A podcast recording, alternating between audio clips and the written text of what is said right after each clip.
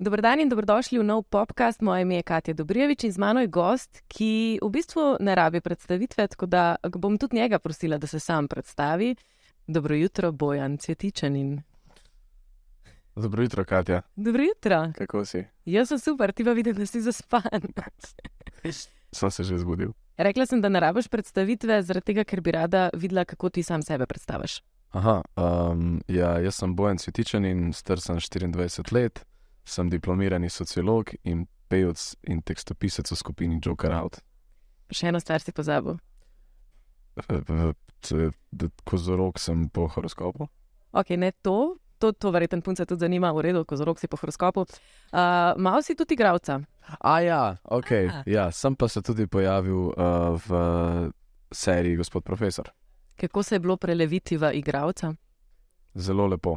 Itak sem igral praktično um, nekega kao glasbenika, ki je toliko star, kolikor sem bil tudi jaz, nedolgo tega v srednji šoli. Tako da je bilo zelo fajn. Ja? Kako si se znašel v tej vlogi igralski, si imel kaj težav, si rabo kakšen na svet? Mm, zanimivo je, veš kaj, v studiu, ko delaš glasbo, vedno nekaj posnamaš, greš poslušati in se odločiš, ali ti je to všeč ali ti ni všeč, in greš lahko še enkrat posnet. Medtem ko tukaj pač na kameri zares ti ne veš, kako si odigral. In ko enkrat režiser reče posneto, pač držiš za besedo, da je, je to res štima, tudi če bi mogoče ti hotel drugače. In je imel ta občutek, da sem res dol vse od sebe. Moraš zaupati, ne? Moraš zaupati, ja. sploh pa jaz, ki nimam praktično veliko izkušenj s, z igro pred kamero. Um, mi je bilo na začetku itek malo čudno. Uh -huh. Tako da, ja.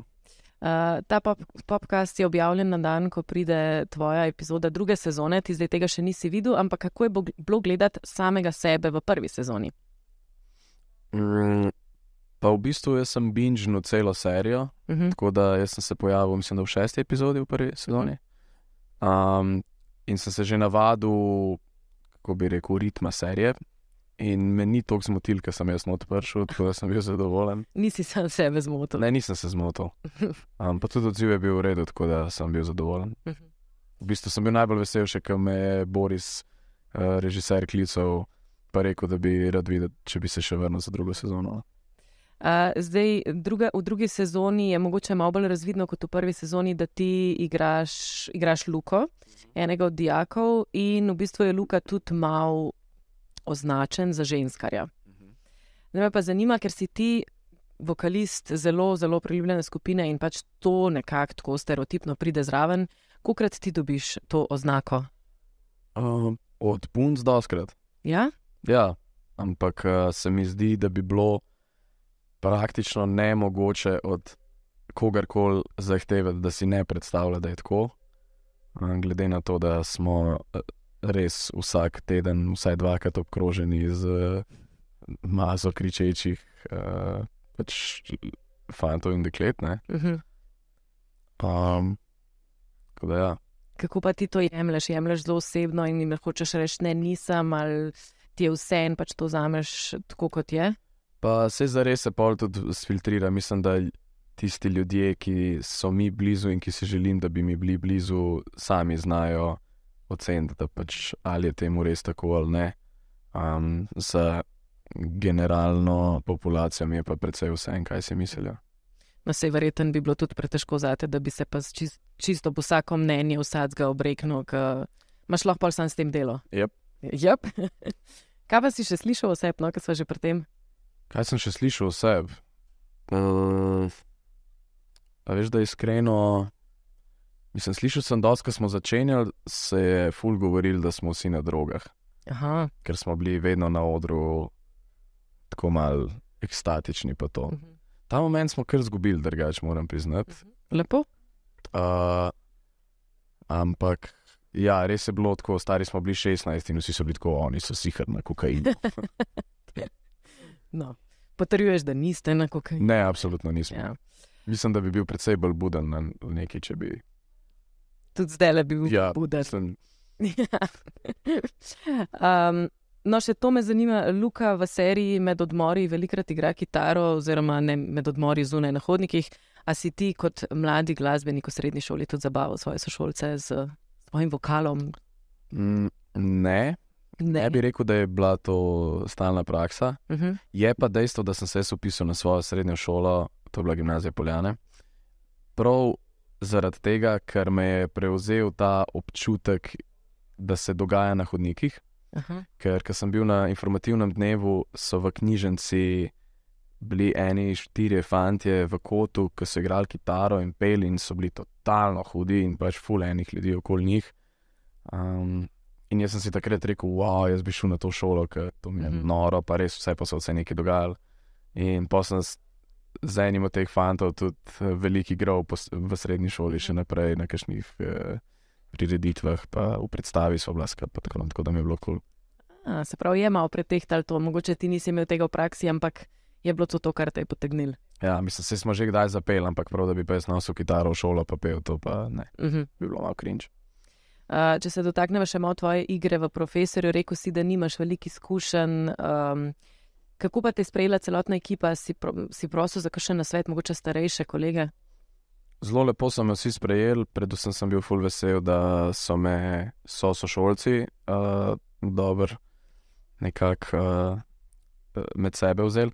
Ampak dejstvo je, da je pri profesorju bil genijalen, genijalen, uh, kako bi rekel, plan dela, ker se je že praktično potem, ko smo bili kestani, organiziral delovni vikend, na katerem smo bili vsi člani igralske zasedbe in smo bili dva ali tri dni na nekem takem oddihu, nekje prvo leto na Krasu, drugo leto uh, smo bili na Gorenskem. In um, smo se spoznali, zbližali, in po treh dneh se je naredila res ta razredna skupnost, veš, iz Mhm. neke množice neznancev. Se je naredila tako ena tako lepa grupica ljudi, ki se imajo radi, tako da se to pa zelo pokaže na kameri. Jaz sem v bistvu jaz sem imela to čas, da sem prišla lansko leto in v, v bistvu pri prvi sezoni in pri drugi sezoni sem bila z vami med uh, nekim snemanjem in tudi zdaj na predpremieri. Se vidi, da ste se zelo lepo povezali. Pa praktično ste v bistvu vi, dijaki, ste nekakšna generacija. Ne? Malo so odstopanja, ja, ampak Odstopanja, ampak caca. ste, ste tam. Ne? Čeprav, ko pomisliš, to je zanimivo, ne? ker smo vsi pač mladi, ampak zares je med najstarejšim dijakom in med najmlajšim dijakom praktično deset let razlike, kar je pa zelo. Res? Ja. Kdo pa je najstarejši? je bilo na začetku. Aha. Kdo pa je bil najstarejši dijak? Ja, jaz bi rekel, Najmlajši je bil Lauro. najmlajši je bil Lauro in jaz bi rekel, da najstarejša je bila Lina, mogoče. Aha, Lina, ja. ja, pa je res lih nekih deset razlika. Ja. Pa se sploh Mogoče Lara. Fortuna. Ja, ja. Tako da tam 9-10 let. Aha. No, ne vice tega, Ja, ja, sem- kamer. sem Med Laurotom pa mano je praktično 6 let pa pol. ne. Ja. Um, kar se igre tiče, si rekel, da je v bistvu to drugače, ko greš snemati, tega ne vidiš, ko snimaš ti sebe, svoje komade, se lahko slišiš.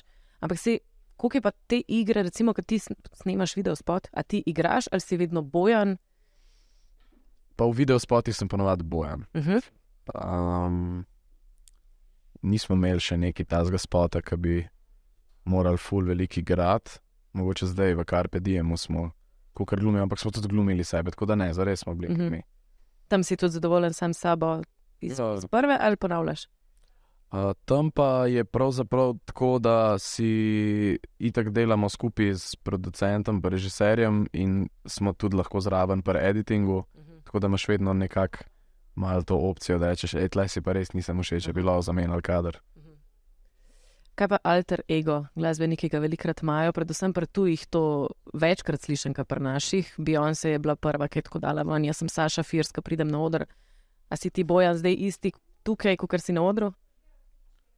Pa jaz sem isti bojan, ampak pač neke druge dele sebe dajem ven. Uh -huh. Zdaj pač tle ne bom jih skakal okoli. Pa... No, poješ loh. Pojem lahko, ampak določenih stvari pač v svojem življenju tako zunaj ne bom naredil, ampak to ne velja samo za me, ampak čisto vsakega človeka na svetu. ne. Uh -huh. To je ta, veš, Goffmanova teorija uh, gledališča, ne, jaz kot sociolog lahko Ja, ne ti kot sociolog. Pač imamo odr, pa za odr v življenju. Ne? Aha. In jaz imam pač dva različna odra v tem primeru. Lepo povedano. Ja.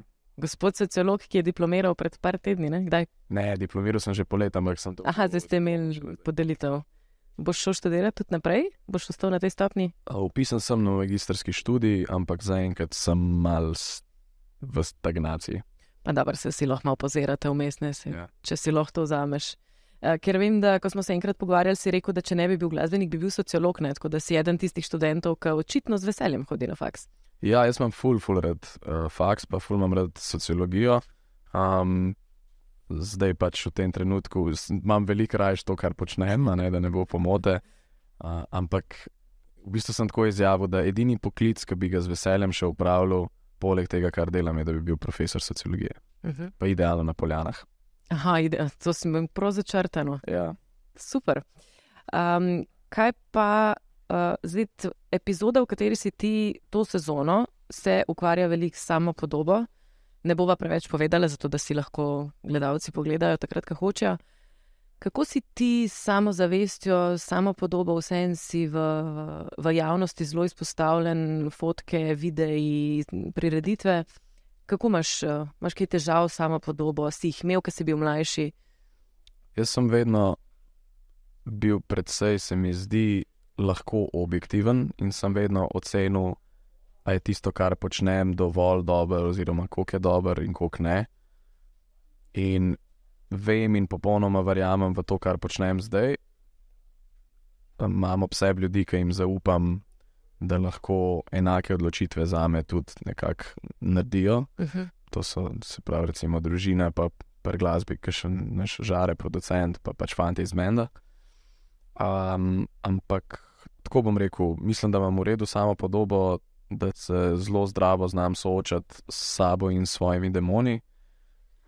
Absolutno pa, sploh zdaj, ker sem vedno bolj nekako na tem medijskem udaru, hočeš nočeš pač uh, si krval pod kožo in se te lahko itek dotakne na slab način, ki še en zloben komentar, kar je čist bedno, ker te komentarje prihajajo od ljudi, ki res pač nimajo nobene vrednosti v mojem življenju, ampak uh, kaj ima ta internet omogoča vsakmu, da izlije svoje blato iz ust in pač ne, če se pustiš, da te to blato umaže. Moš imeti okoli sebe ljudi, ki ti pomagajo to sprati. Zelo lepo, zelo poetično povedano. Pa bereš komentarje vse, oziroma a jih bereš v člankih ali je to Instagram, kje, kje, na, kje naletiš tudi na to negativo, ki se pojavlja? V bistvu odprem Facebook enkrat na teden, po mojem, samo zato, da spucam tiste notifikacije. In zdaj zadnje dni itak, da sam odprem Facebook in je že prva stvar nekaj, kar se te Eurozonga tiče in milijon komentarjev, koliko je to za nočne. Aha. Um, ampak hvala Bogu, lahko grem potem pogledat komentarje na vseh tujih portalih, pa so full dobri, tako da mi dosti hitro rate, ker vse. No, pa dobro, sej tudi pri nas so ljudje zelo navdušeni. Lahko povem, da me punce v uredništvu skozi pojmo, kar pedjem. Ej, hvala. Ja, ni za kaj z veseljem mi, fanti v studiu tudi. no, evo, pa smo se najdel. Ne, ampak sej so tudi pohvale, ampak razumem, vedno so vmes tudi neki negativni komentarji. Kar... Tako se jaz nimam nič proti negativnim komentarjem, sam pravim, da negativa se lahko na zla, dva zelo različna načina izrazi. En način je spoštljiv in kar se da uh, objektiven, en je pa pač sam zlobane. En kolega mi je zelo dobro napisal, glasbeni kolega, preden smo pesem izdali, da, da moram vedeti, da ogromen ljudem komad ni všeč, še preden izide. Ne? Tako da, Ja. Je vedno tako. ja, Ne, tako. Ampak le na koncu ste vse nafilali križanke, no vse greste na Eurosong, vse se stožice lepo polnijo, res je, ne. res je. To so te stvari, ki te pol malo potolažijo, oziroma malo mal več kot samo malo. Absolutno. Um, ko smo bila prej pri samo podobi, bi se rada dotaknila še pesmi Plastika, Mhm. kjer si zelo navdušen z besedilom. Besedilo si napisal ti, Ja. prosim. Um, kako je nastala ta pesem? Ta pesem je zelo, zelo zanimiva nastala. Ne? So ti rekli, da napiš nekaj na to, ali kako je bilo že revijo si bral. Uh, ne, v bistvu je bilo tako, da ta pesem je bila nam v bendu full všeč, Uh -huh. žaretu pa ne. Ampak ni imela niti teksta, niti melodije, še vokalne. Aha, ok. Sam instrumental smo imeli. In za res noben ni čisto vedel, kam ta pesem vodi, Uh -huh. uh, vključno z mano. In jaz sem en dan sedel v studiu na kavču in pač traumiral, tako kot to več snemanja albuma pač počnem. in uh, poležare v nekem srečnem trenutku bral nek, uh, kako se reče, neke novice in je prebral tako na glasniku. "Kaj? Tretjina slovenskih najstnic hoče imeti plastično operacijo. What? Jaz sem tam sedel, sem rekel, o, to je res bed, to je res bed. Požare sem tako, ja napiši o tem komad. sem bil tako, hej, ta komad pa res zveni, da bi lovil o tem. Aha. In pa sem šel domov in mislim, da mi je v, v petih minutah mi je kliknil ta, nisem si všeč, če se za modifikacijo. Aha. In nova sem oseba, ko zbudim se iz narkoze, ta lica pod pritiskom in pa sem bil tako, kot to, kot to um, da ne morem se odločiti, da se jočem ali smejim. V bistvu ne vem, odkud, ampak to ampak se mi zdi, da, je moja mama vedno govorila, če je kakšen zob, kdo me je vnet ali pa kaj, ki te je zategnil, da se ne moreš pogledati, nekdo joka ali se smeji. Veš, Te... In pa sem ta vzel in pa se je full hiter povezal, komat. kot mislim, da v eni uri sem imel vse narejen. Napisal si tudi, um, si vijo mi lase, pa šele 23. 23 jih imam šele. Zdaj jih imaš 24, kakšen si v lase več, če se vidi na kameri. Če mi lahko pozumajo, sive lase. Ja, evo. Malo se jih vidi. Lepo, da si tudi sebe dal noter, da nisi eh, pri teh letih, joj, ne, ne bi bil siv. Ja, ne, v bistvu zdaj, ko mi čakam za res, da se mi naredi, če že je ta pramen. Aha, da bo cel pravi, zakaj rečeš duškavaca? ne, One of them imaš samo enega kavaca. Več jih no, je, no, imaš jih ampak- več, ampak so ta eno drevo. ja, no. Ja. Um, vem, da, se, da sem v bistvu tudi jaz o teh sivih laseh pomislila na zadnje, ko sva govorila polet na snemanju profesorja. Si bil takrat vidno utrujen, ker si pis, dokončali ste album, pripravljali ste se na križanke, snimal si profesorja, verjetno ste še kakšen video spot snimali. Vse vsi vemo, da v bistvu sive lase pridejo s prenatrpanimi urniki, ampak kako si ti to vse zdržal, takrat si bil res bogi. Pa, s, p, p, p, p, p, p. Mm, zdi se Kaj mi, da. potlačil. Ja, ne, sem se spomnil zelo dobro. Ampak zdi se mi, da takrat, ko si v tem teku, pač stvari grejo, ne razmišljaš prav preveč. Pa zares so bili sami fajn projekti, uh -huh. ni Mhm. bilo, da sem moral v enem trenutku kopati rudnik, v drugem trenutku pa iti igrati pred kamero, pa pol spet nazaj. Ampak sem delal same lušne stvari, ki so mi všeč. Pač imel sem res natrpan urnik, um, nisem veliko spal. In za res, dokler je tekel, mi je bilo super, ker sem se pa ustavil, me je pa čist podaril. Aha. Ampak to imam doskrat, ker si nekako kronično, očitno, rad naložim preveč stvari v življenju. Pa pa. Se pravi, ko, imaš, ko se vse konča, telo malo Ja, zboliš, verjetno odpove. Po mojem, da ni človeka, ki po nekem takem daljšem periodu časa Mm. ne, ne pade. Pač. Takrat si povedal, da vsem tem, vseh teh stvarih, ki jih imaš, pišeš tudi album, verjetno so bili takrat tudi teksti. Um, aj takrat, ko imaš natrpan urnik, lažje pisati besedila, ker si pod pritiskom, a si eden teh ljudi, ali, ali rabiš med zen, pa fulenga časa. Pa. Ne, jaz rabim za tekst čim manj časa, uh -huh. Pa čim več žareta, ki mi govori, da če nova jutra posnela, pač ne bo komada. Aha, se pravi pritisk. Ja, tako zgodbe si vse čas nabiram nekako v glavi, pa tudi zapisujem si, recimo čez dan, če kakšen stavek mi pade v glavo, ali pa če kaj tasga vidim, ali pa ne vem, sam, ne vem če me neka barva nek dan fulispira, karkoli. Ampak si zapisujem malo uh, in se mi zares tako kar delajo neke, ko bi rekel, malo puzlice imam v, resnici. In pa, ko grem pisati pesmi, zares, ko ujamem ta pravi sentiment, lahko iz tistega enega kupa puzlic najdem ta prave, pa jih začnem Mhm. skrb zlagati. Si sprot zapisuješ te mini ideje, pa to? Ja, ja. Kako pa ti fanti pomagajo, si za, za te tekste čist sam, jih prosiš za nasvet, ti oni kaj pomagajo. Uh, pa ful mi radi pomagajo, zares. Pa všeč mi je to, ker so vedno tako izjemno, izjemno direktni, če je treba hladni, ker Mhm. pač v bendu res ni prostora za, za olepšavanje, Mhm. ker bend mi tretiramo kot da smo dejansko pač družinski člani. In uh, si vedno povemo vse tako neposredno, da ne bi prišlo do nekega zbiranja ne, neke negativne energije, ki bi pol enkrat lahko izbruhnila.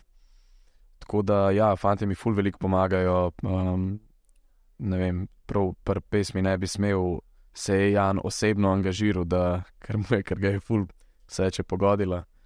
Um, in, uh, in si je vzel osebni projekt, da je z mano tam čepel. In pa, kar sem jaz napisal, lani je bil tako.